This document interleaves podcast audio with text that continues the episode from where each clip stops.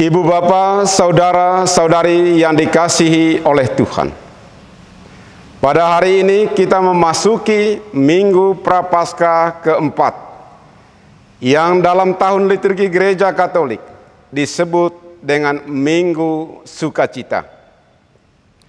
Minggu Sukacita karena penyelamatan yang dari Allah untuk kita telah dekat yang terjadi lewat sengsara, wafat, dan kebangkitan putranya Yesus Kristus.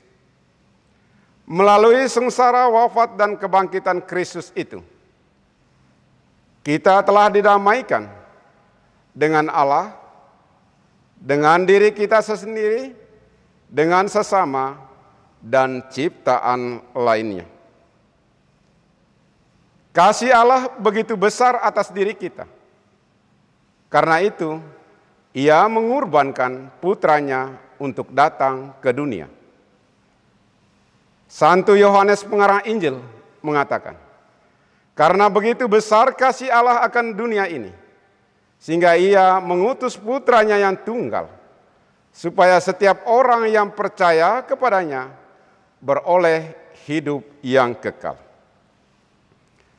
Dosa tidak hanya merusak relasi kita dengan Allah, tetapi juga merusak relasi kita dengan sesama dan semua ciptaan lainnya.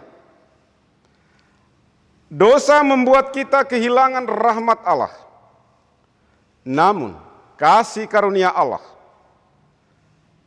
membuat kita diselamatkan lewat putranya Yesus Kristus yang sudi hadir menjadi manusia seperti kita kecuali dalam hal dosa dan menderita sengsara, wafat dan bangkit demi keselamatan kita. Santo Paulus dalam suratnya kepada umat di Roma mengatakan, karena semua orang telah berbuat dosa dan telah kehilangan kemuliaan Allah. Namun Allah telah mendamaikan kita dengan dirinya melalui Yesus Kristus, sebab Dia sungguh mengasihi kita. Perumpamaan tentang anak yang hilang dalam bacaan Injil menggambarkan situasi manusia yang terluka akibat dosanya. Tetapi di pihak lain, dilukiskan juga kasih Allah atas diri manusia. Nabi Yesaya dalam suratnya bab 1 ayat 18 mengatakan, Meskipun dosamu merah seperti kermiji, akan menjadi putih seperti salju. Sekalipun berwarna merah seperti kain kesumba, akan menjadi putih seperti bulu domba. Allah akan tetap mengampuni kita dan menerima kita sebagai putra-putri kesayangannya, asal kita mau bertobat dan memberi diri didamaikan dengan Allah. Dosa telah mengantar kita kepada maut, kepada kematian rohani. Rasul Paulus mengatakan, upah dosa adalah maut.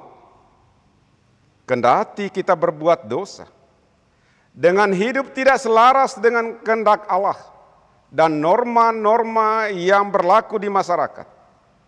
Namun Allah tetap mengasihi kita sebab dia adalah kasih.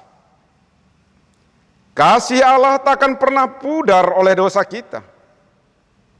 Dan lagi Santo Paulus berkata, di mana dosa bertambah banyak, di sana kasih karunia menjadi berlimpah-limpah. Belas kasih Allah dilukiskan juga oleh Santo Lukas dalam Injil. Sebagai seorang bapa yang berbelas kasih. Yang menantikan kepulangan anak kepulangan anaknya. Yang telah berbuat jahat kepadanya, mengkhianati cintanya, dan ia ingin sekali anaknya itu kembali ke rumah, berkumpul bersama dengan dia, bersuka cita bersama dengan dia. Allah yang kita imani itu melampaui Bapa yang menantikan kepulangan anaknya. Allah sungguh mengasihi kita. Karena itu, ketika kita berbuat dosa, ia senantiasa menunggu kepulangan kita, pertobatan kita untuk ada bersama dengan Dia. Kita juga tidak lebih baik dari anak yang hilang itu dan juga anak yang sulung. Kita senantiasa mengkhianati cinta sesama kita, orang yang mengasihi kita.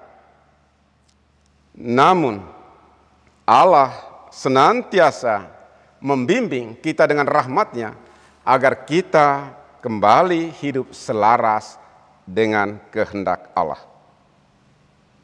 Maka terhadap Allah yang berbelas kasih itu, yang bisa kita lakukan adalah terus-menerus melakukan pertobatan, membarui diri kita senantiasa sesuai dengan apa yang dikendaki oleh Allah. Santo Fransiskus dari Assisi, meskipun dia sudah menjadi orang yang sangat hebat, namun dia tetap merasa bahwa dia masih berdosa.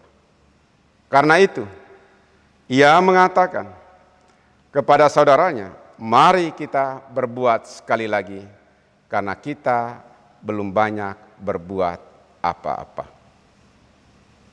Berilah dirimu didamaikan dengan Allah, maka Allah akan mengasihimu. Tuhan memberkati kita. Amin.